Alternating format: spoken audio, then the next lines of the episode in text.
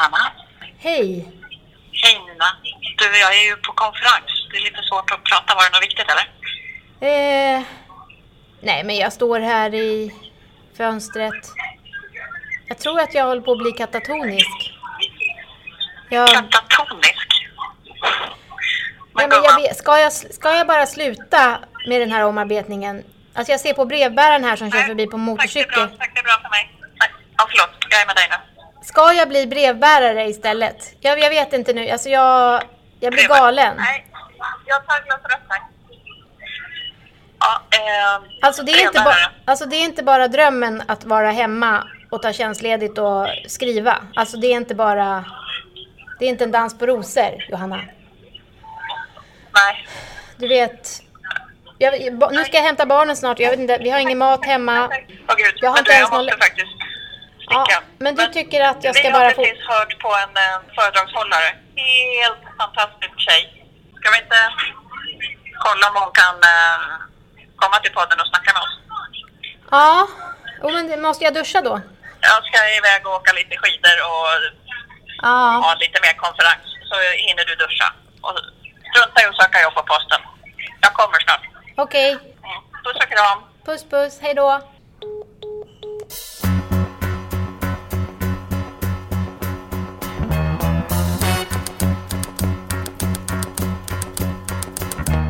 Det är jag som är Nina De är. Och det är jag som är Johanna De Valiant. Och vi tänker debutera. Eller dö. Tumble out of bed and I stumble to the kitchen Pour myself a cup of ambition And yawn and stretch and try to come to life Jump in the shower and the blood starts pumping Out on the streets the traffic starts jumping With folks like me on the job from 9 to 5 Working 9 to 5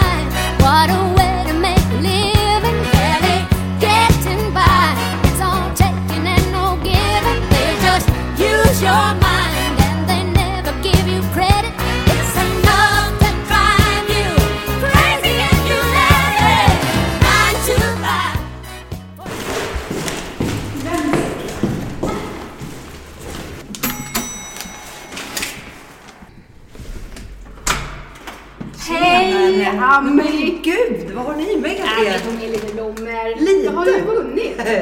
Men gud vad fint. Välkomna in. Ami Hemviken, precis korad till Årets talare 2017. Alltså, grattis! Alltså tack. Vi var en hel yrkeskår som bara stod upp och eh, det var liksom bästa kickoffen ever. Ja men åh vad jag blir glad.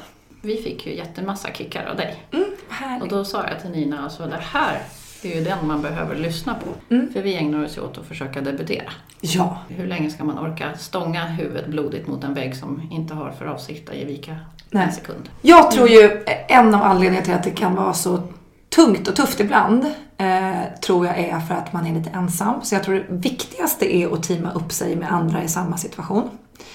Eh, för att Eh, om man tittar på liksom vad som driver engagemang så kan man ju säga att det är ju i väldigt hög utsträckning just relationer och kommunikation. Alltså det vill säga när man känner att man är trygg i en flock, i en gemenskap, eh, så blir man också sitt mest kreativa jag. Och visst, det finns någonting, jag kan tänka mig att ni säger att det är ångesten som driver oss och det kan ju också vara så här viktigt i vissa lägen. Men den kan ju också bli förlamande och det kan ju också bli att man blir eh, för stressad. Peppa, alltså, ha någon som ger en beröm. För att det vet man ju också, så här, får man beröm då sänks kortisolnivån. Då känner man så här, ja men gud vad skönt jag duger ett tag till. Och jobbar man med något jättelänge utan att faktiskt få feedback och kanske den enda feedback man får är att man blir refuserad. Liksom. Då är det klart att det tär ju på alla människor. Så man vet så här, hänger man mycket med glada människor så blir man gladare själv. Och vice versa. Eh, Så att det är klart, om man är inne i en deppig period själv och hänger bara med sig själv så blir det ju ingen bra spiral av det. Såklart. Tänker du att det ska finnas en gräns för hur länge man då ändå kör på? Alltså att man försöker göra någonting som ändå inte kommer gå. Men ja, bara så här, ja. Jag vet inte, jag tänker spontant inte att det finns någon sån gräns med tanke på att alltså alla så här, jag tänker på de som verkligen lyckas med innovationer eller man pratar ju jättemycket nu om att man måste vara kreativ och måste vara innovativ för att överhuvudtaget överleva liksom i företagsvärlden och i alla branscher, även offentlig sektor. Så behöver vi liksom återuppfinna oss själva hela tiden för att fortsätta vara relevanta. Och då kan man titta på när, när finns det mycket kreativitet? Jo men det finns ju oftast när människor är trygga och känner tillit.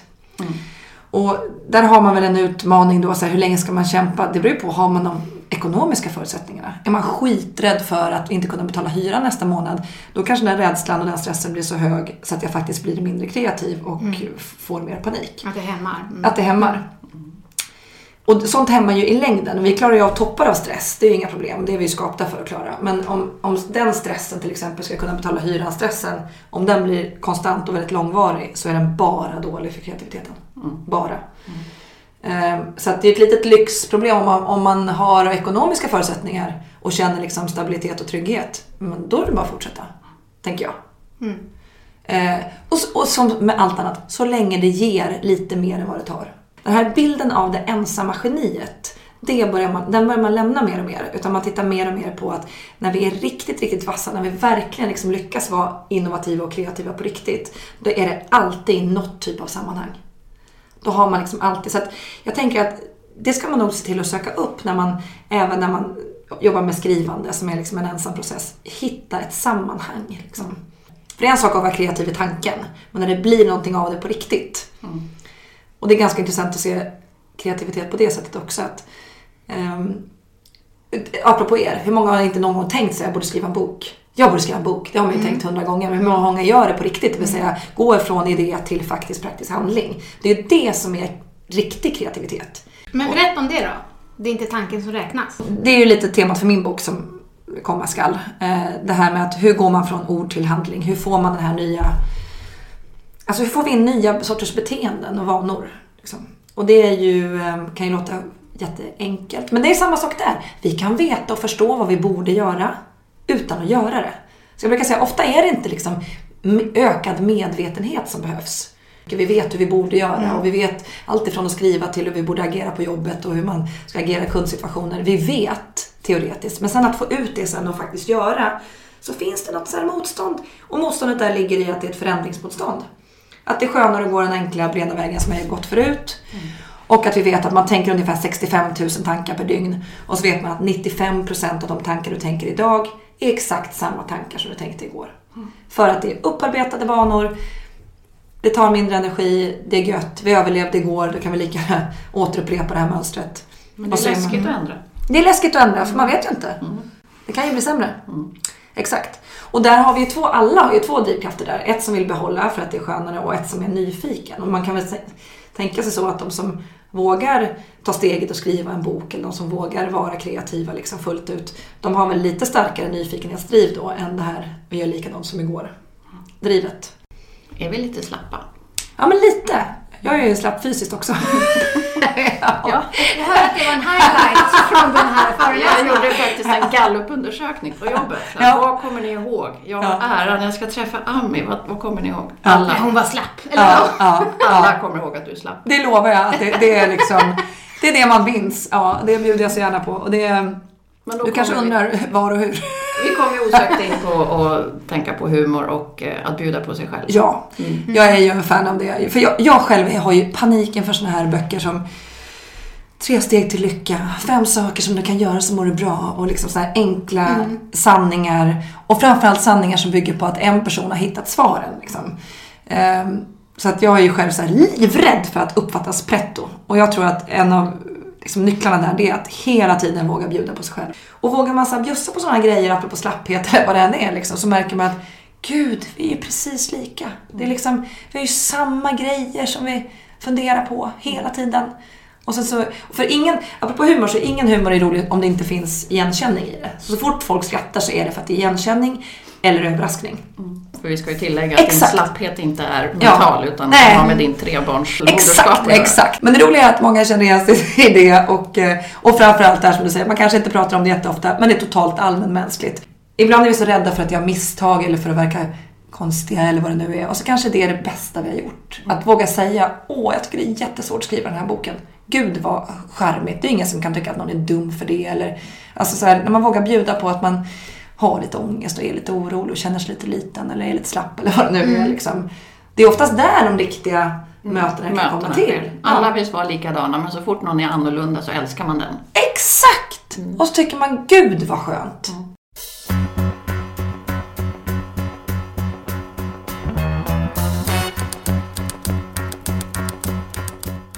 Men alltså, jag behöver någonting mer ångesthanterande Ja. än jag i det här. För att eh, min man säger nu, han kallar mig inte längre för Nina utan för Katatonica. För att jag bara så här stirrar ut genom fönstret och bara så här. Jag ska debutera, jag ska debutera, jag ska... Alltså det blir ju en viss besatthet till slut när Ja. man ska göra någonting och lite så här dunkar huvudet i väggen.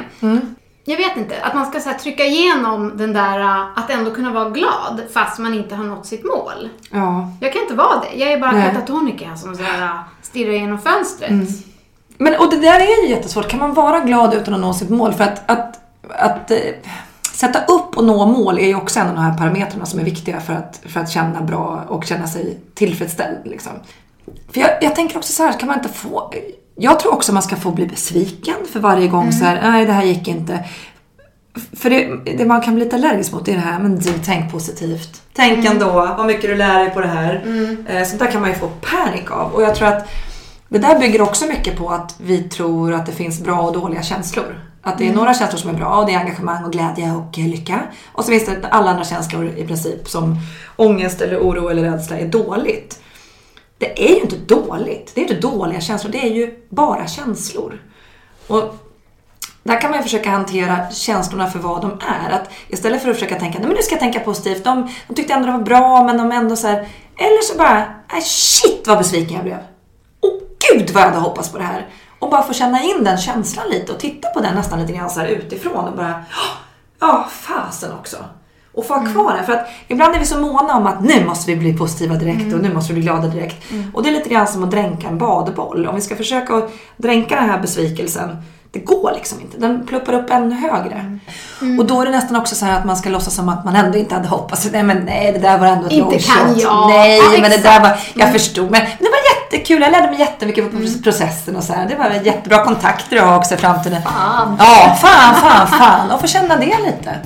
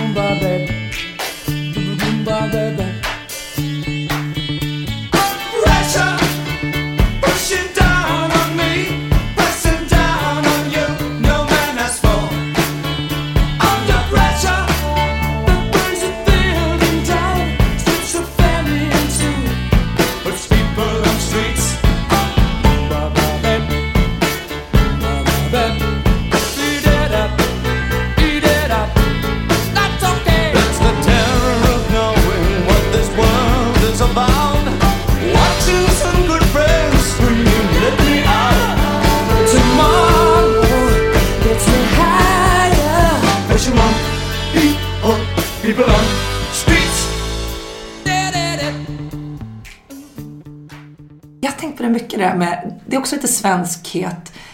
Eh, Jag ramlade nämligen ner för en scen här för ett tag sedan. Tre bänkrader, så här hand, så här helt eh, handstupa bara. Gjorde illa mig asmycket. Och så kommer den här eh, beställaren då liksom, och det var ju helt fullsatt och så här, folk hade inte riktigt kommit in där men rätt mycket folk ändå. Och så kommer gud hur gick det? Och då var det så här klassiskt, nej men gud det gick jättebra, det var ingen fara alls. Och jag hade så in i helvete ont. Och det är någonting i oss att vi vill liksom inte, vare sig fysisk eller psykisk smärta. Nej men gud, nej! det är bra. Och så tittar hon ner på mig, men du blöder ju.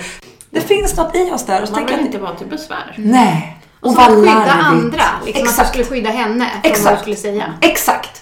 Och samma sak där när folk bara, hur gick det med det där? Kom det? Ja, nej, det gick inte hela vägen fram, men det, oh, nya tag Ja. liksom. Ska man säga ja? Ja, men är man svag blir man lejonmat. Så det är väl bara att hålla fanan högt. Så jag vill, vara, jag vill verka glad fast jag är katatonika. Men det. Hur tycker du att det går?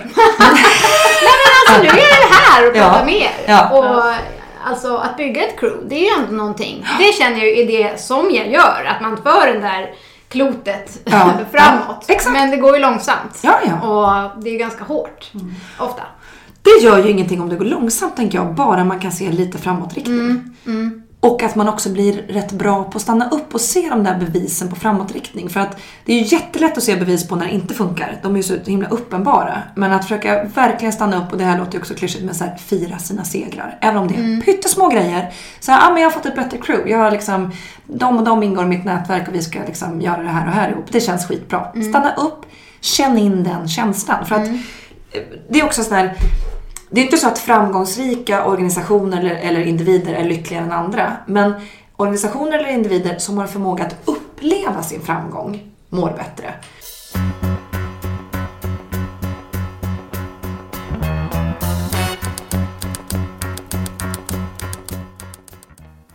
Medan jag var på kickoffen så träffade ju du Linn Jansson som har debuterat på bokförlaget Forum med Ragga som du shoppar.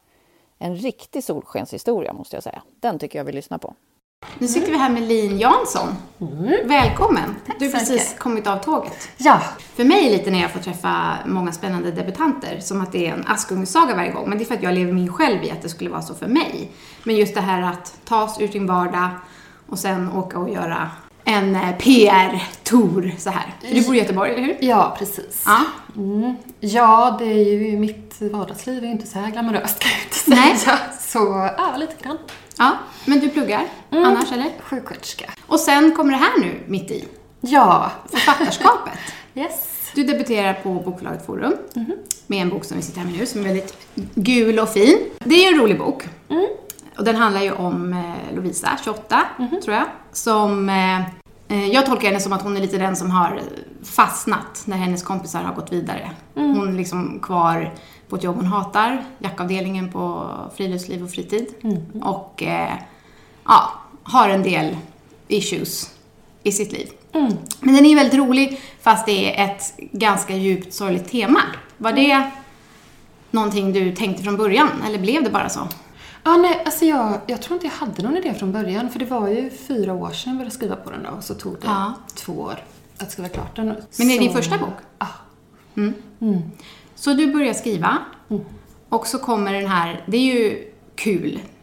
Från, på förlagets hemsida så är det, står det Girls i Frölunda. Men det här andra temat. För att Lovisa har ju också en syster, Olivia, som jag först trodde när jag började läsa att hon så sitter hon i fängelse. Men sen så förstår man ju att det är ju en depression och att de har en väldigt liksom, sårig relation. Det är tack i slutet. Då eh, tolkar jag det som att du ändå haft en mörk period själv. Mm, absolut. Var det någonting du tror som att det, liksom, det kom omedvetet i den här boken?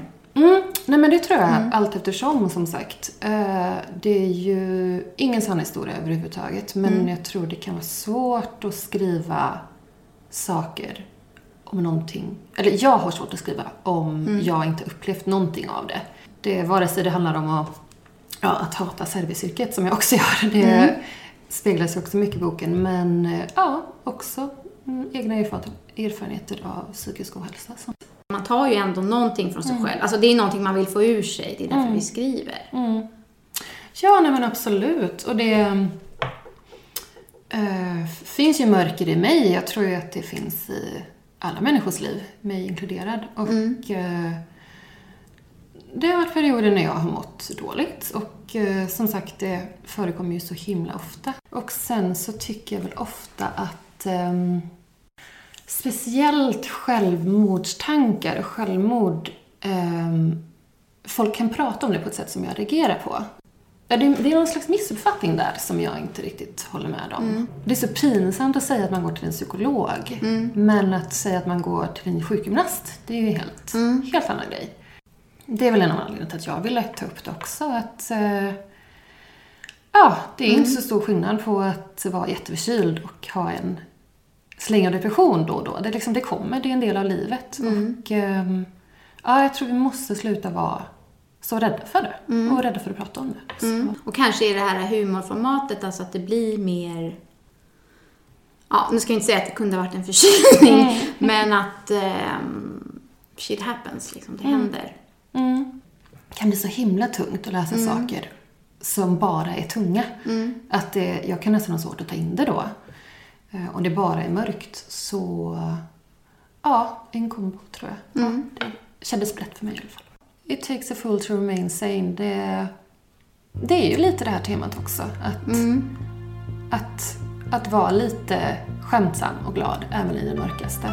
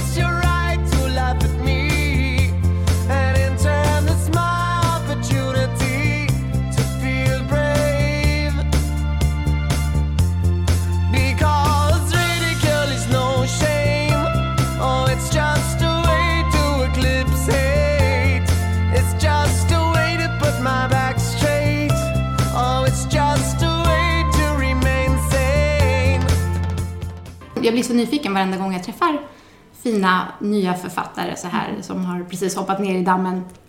Vad det är som du tror som liksom gjorde, gav dig den här genomslagskraften. Alltså det känns väldigt kaxigt skrivet.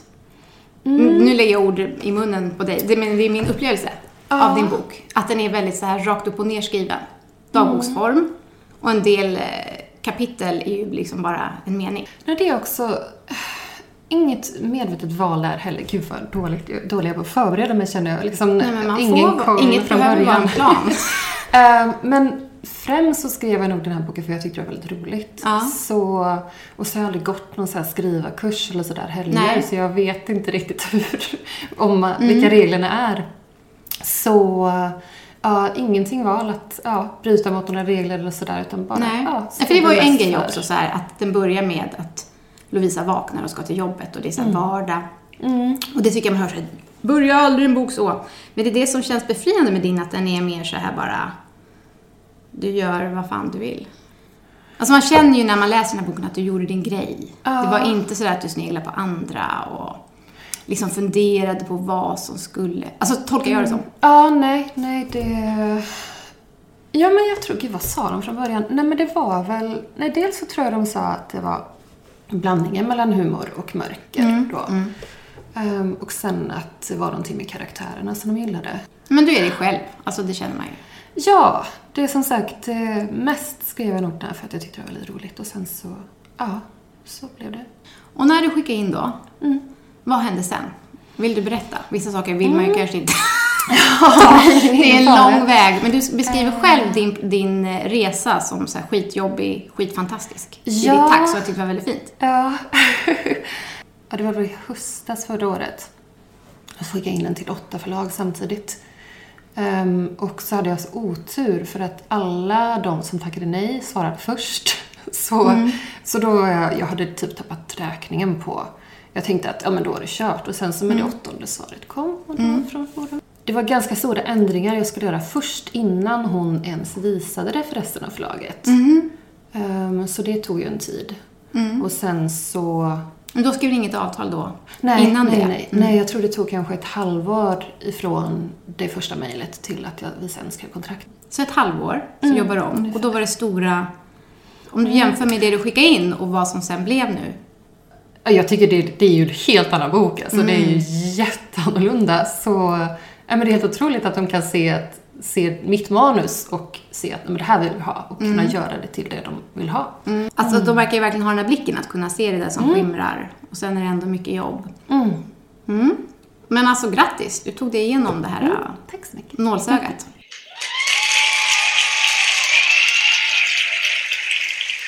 Och nu är du här och ska göra massor med saker för, inför släppet. Har du haft release? Nej?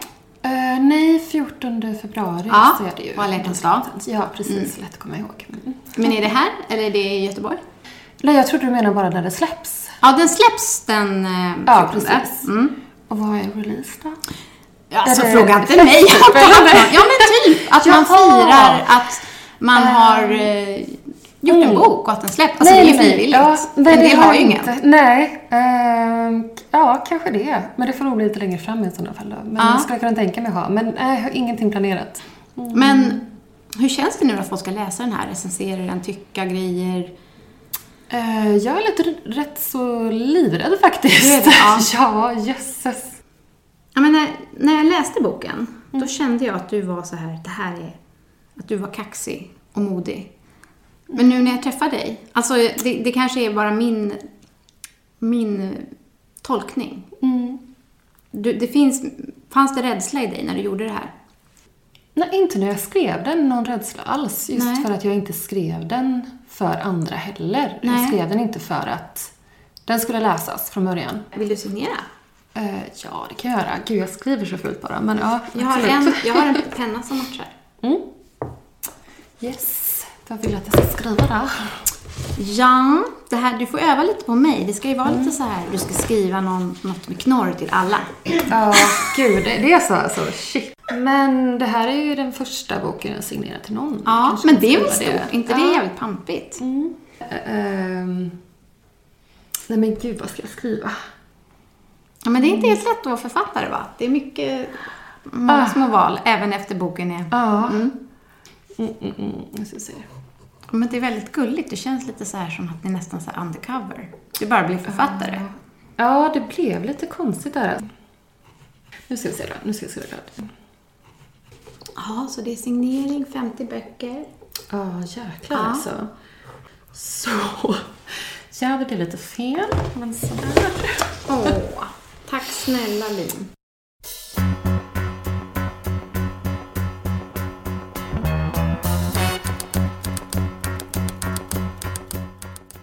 Man kan ju gissa nu att inte du kommer tycka att, att eh, marknadsföra din bok kommer vara det svåraste. De flesta skriver ju för att de älskar att skriva, inte för att Exakt. de vill debutera och sen komma och sitta i TV4-soffan som jag tjatar om. Hjälp oss nu då. Ja. Okej, jag Kan har- vi leva oss in nu? Ja, Vi nu har ni debuterat. Ja, men det är Ja. inte svårt. Det är inte svårt att leva oss in. Nej. Mm. Vad är steg ett sen? Steg ett måste ju jag säga som vi sitter här, det är ju att ha en bra PR-byrå. Ja. Eh, Men det sköter ju oftast förlaget. Den kontakten och väljer ut vilken och- hur och sådär. Och sen så sköter ju då PR-byrån eh, kontakt med all media och försöker få in den på så många ställen, coola ställen som möjligt. Och sen när du väl får komma då, då till TV-soffan. Det är ju inga soffor längre, det gjorde mig så himla Man besviken. står upp, Ja men gud Det var så omysigt. Det, ja men det var så omysigt. Jag var ju där på SVT och så tänkte jag såhär, åh morgonsoffan, gud ska man sitta där och klucka och ha det bra? Nej, typ barstolar. Så här, som en sån här nyhets... Eh, nyhetsställe känns det som. Ja men helt stiff. Man bara hej hej. Ja, så det är ingen soffa. Så det är typ, du sitter där på barstolen. Eh, då tänker jag så här Drinkfritt. drinkfritt och skulle ändå känna dig Typ sju på avslappnad. morgonen också. Ja, exakt. Plufsigt. Exakt. Nej, men man får skitsnyggt smink. Så man, man ser underbar ut. Okej, nu har vi löst det. Ja, då har du löst det. Och fixar de håret, så gör ingenting med hår eller smink, utan bara sitter som ett glåm. Eh, när jag skulle vara med så tittade eh, min bästa kompis sov över hos mig den, den natten för hon var med på galan då och sen nästa morgon skulle jag ju dit och så då var jag osminkad och så här ful i håret. Och så sa jag till henne, men gud jag hoppas de, de gör väl ordningen och sminkar väl henne så här. Och då tittade de på mig och så här, det hoppas jag verkligen. Och de sa, så bra att du är osminkad, bra så det, ja de fixar allting och de är skitproffsiga. Nej men jag tror mycket på det här att man ska se det som ett samtal. Det är liksom inte så här, nu ska jag komma hit och marknadsföra min bok. Utan så här, tänka att nu, nu ska vi samtala, nu ska vi ha en dialog. Ni ser det som ett samtal, kommer dit så här och så tänker ni, shit det här samtalet det ska få handla om mig och min bok. Fy fan vad lyxigt. Vad tror du är prio? Vad är det man marknadsför idag? Är det boken eller sig själv som författare? Det beror nog alldeles på vad det är för sorts bok. Men om den är skönlitterär. I ditt fall är det ju dig. I, I mitt fall är det bara mig, typ. Eh, att jag skulle kunna framstå lite skön. Men eh, en skönlitterär bok, ja, men det, det är nog... Jag tror, och det här säger jag genom att gissa, men att det blir viktigare och viktigare i personen också. Eh, eftersom det är så himla fokus på individer nu för tiden och liksom personliga varumärken och sånt där. Som låter så tramsigt. Men egentligen kan man väl tänka att man, man vill veta lite grann om avsändaren. Man vill veta lite grann så här, vem är det som, varför ska jag lita på den här personen liksom. Och då tänker jag att om ni är, eftersom ni är båda två intresserade av det mänskliga mötet, av dialog, av kommunikation och bara ser det som att nu ska vi komma hit och prata om min bok, mig som person, gud vad spännande. Och det är faktiskt deras jobb att ställa bra frågor. Jag får ofta frågan så här, hur mycket ska man förbereda sig inför presentationer eller vad det nu kan vara. Och det beror ju på, alltså förberedelse inför en sån här bok och eh, medialt utrymme i en bok. Det, det har ju hållit på i flera år. För det är du som har skrivit den. Så att du är ju mega förberedd. Det finns ju ingenting om den här boken eller om dig som du inte kan eller som de kan bättre. Så det är liksom en rätt skön så här, jag är bäst på det här, får se vad de frågar efter. Eh, men jag är, vilar i att jag kan ämnet perfekt. Och då kan man börja foka på den man pratar med. För ofta blir det så, om man inte är så bra på ämnet, man känner sig osäker på det, då blir man ju väldigt vad och jag-centrerad. Då blir man ju så här, ja, ehm, och så funderar man, vad, vad ska jag säga härnäst och hur ska jag liksom... Men om man kan sitt ämne, då kan man ju så foka på dem man pratar med. Du fick hela våran aula att ställa sig upp och skrika Thule, Ja. Thule. Ja, Vi tar den bara. Tuttarna ut och le. ja Thule betyder tuttarna ut och le, exakt. Det kommer man jättelångt med. Alltså när människor blir nervösa till exempel så har människor en tendens att se sura ut. Eh, och det är bara så onödigt. För det skapar att andra blir sura och det skapar distans. Om man kan lära sig sen när jag blir nervös, då ska jag le. Om man kan lära sig själv och sina barn det. Tänk vad mycket vänligare allting kommer bli. Därför att om, oftast är inte folk sura. Oftast är folk rädda, eh, tycker att det, någonting är pinsamt eller är nervösa. Och så ser man skitsur ut. Vilket gör att någon annan blir sur. Vad fan ser hon så jävla sur ut för? Och så bara blir det så här, tänk om vi kunde alltid le när vi kände oss blyga. Skulle det vara perfekt? För då visar vi sig, hej vi är inte farliga, vi vill väl. Ja vad skönt, det vill jag med. Ja. mm. Så är det liksom så himla mycket löst. Och så tuttarna ut. Perfekt. Så till katatonika i fönstret. Tuttarna ut ut. och le. Le. Så känns det bättre. Men alltså det gör ju oftast det, när man ler. Ja, Det Bara sitter man... mycket kroppsspråk. Ja. ja, men det gör det faktiskt. Och det vet man ju också att hjärnan går ju lite grann på det vi gör. Eller, Så att hjärnan tror lite på det. Och jag brukar ju säga, jag vet inte hur mycket, det är lite populärvetenskapligt, men om man inte kan le en dag så kan man ta en penna och stoppa i munnen så här. Och eh, om man håller den pennan i munnen, hur ska man förklara det då? Ja, penna i munnen helt enkelt. Ja. Två och en halv minut så, så skickas det tydligen glädjesignaler på riktigt till hjärnan. Så hjärnan tror att man ler. Så man bara, fan vad glad, fan vad gött.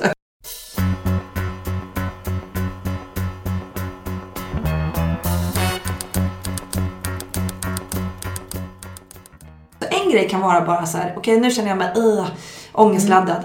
Okej, fatta ett beslut och kör på det. Innan vi fattar beslut, alltså när vi går i vånda, så här, hur ska jag göra? Till exempel, vilket förlag ska jag göra mig till? Och vilka korrigeringar ska jag göra? Och hur mycket tid ska jag lägga? Det är det värsta för vårt psyke. För alla, och det är rätt skönt att veta, det mår ingen människa bra av att inte ha fattat ett beslut. Så att så fort vi, en bra grej, om man känner sig usch nu mår jag inget bra. Det kan vara att bara fatta ett beslut. Alltså i någon riktning. För då är det så fint att när vi fattar beslut så fattar vi både beslut utifrån vad vi gillar, alltså preferenser. Ja men vi fattar det där beslutet för vi gillar det mer, vi gillar den färgen bättre än den. Men det är också så att när vi bestämmer oss för att verkligen fatta ett beslut och så bara tar vi något. Då har vi en fantastisk förmåga att i efterhand också säga vilken tur att vi valde den här. Därför att det blev så himla mycket bättre. Det vill säga, vi fattar både beslut som vi gillar men vi gillar också de beslut vi har fattat i efterhand. Eh, och det är just det där att förmågan att... Och, och det är också så här tänker jag att det är så man tittar på sitt liv också i efterhand. När man gör, tittar på sitt CV eller vad man har gjort eller någonting så är det väldigt lätt att i efterhand skapa någon typ av röd tråd som inte alls fanns där då. Det bara hände det, jag bara råkade träffa honom, vi råkade bli kära, oj vi blev gravida. Men så här, i efterhand bara, ja men då valde vi att vänta för typ det, sen valde vi det här, sen valde vi att flytta dit och sen valde vi, ja valde valde liksom. Eftersmart. Exakt, Ja. eftersmart. Och det är hjärnans sätt att liksom rättfärdiga sina beslut och det är vi bra på.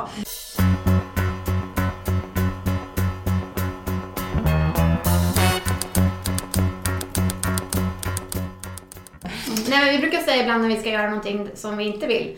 Ska jag ha plastpåse på huvudet eller inte? Ja. När man då um, känner ibland att man horar lite. Apropå horeri, jag, hade, jag skulle föreläsa på en stor revisionsbyrå och så kommer jag dit och så säger de andra cheferna som ska hålla i den här kickoffen. Nu, vi ska ha tema är liksom t- teamwork. Ja, det är ju ett jättevanligt tema. Ja, men det är så här laganda och så att ja, temat blir lite mer fotboll kan man säga. Okej. Och jag eh, står där i högklackat och pennkjol och så drar de fram liksom en fotbollströja, t-shirt till mig och så bara, är det okej om du har på dig den här? Och jag bara, ja, ja okej då. Så jag drar på mig den här skitstora fotbollströjan.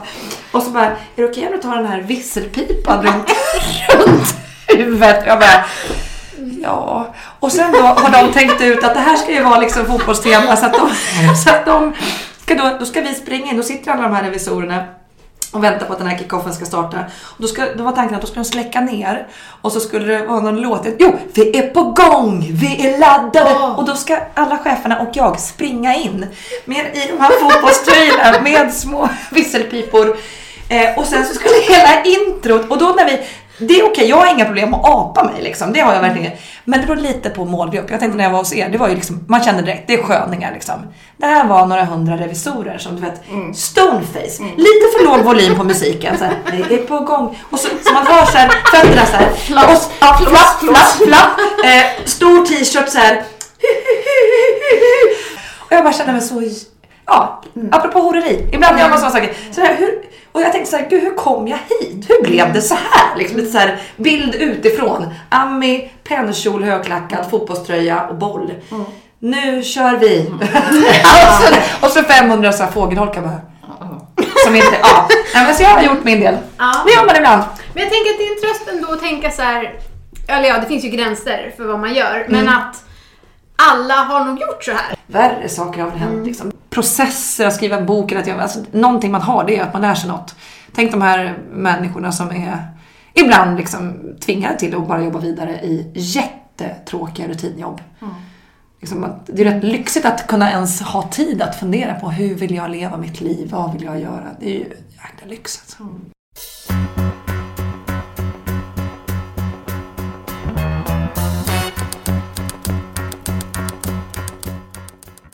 Det är ju aldrig lagom. Nej, katatoniskt eller inte, alltså det är ju inte optimalt, tänker jag som du, att jobba och ha ett liv och känna att man har för lite tid. Eller som jag, att inte ha ett liv alls. Nej. Utåt sett så är det ju misslyckat att gå och vara hemma. Alltså jag skäms när brevbäraren kommer och jag är hemma. Man måste ducka. Eller söka jobb. Och jag skäms att jag inte lever min dröm. Men på ett sätt så är väl vadet igång. Vi vet fortfarande inte vad som är bäst förutsättningar. Det är viktigt att fylla på pepp, känner jag. Visst var hon frän? Mm, Heja Ami. verkligen. Verkligen värdig vinnare. Mm, och nu vet vi hur vi ska göra när vi tar oss igenom. Det känns skönt att veta att man blir sminkad. Mm.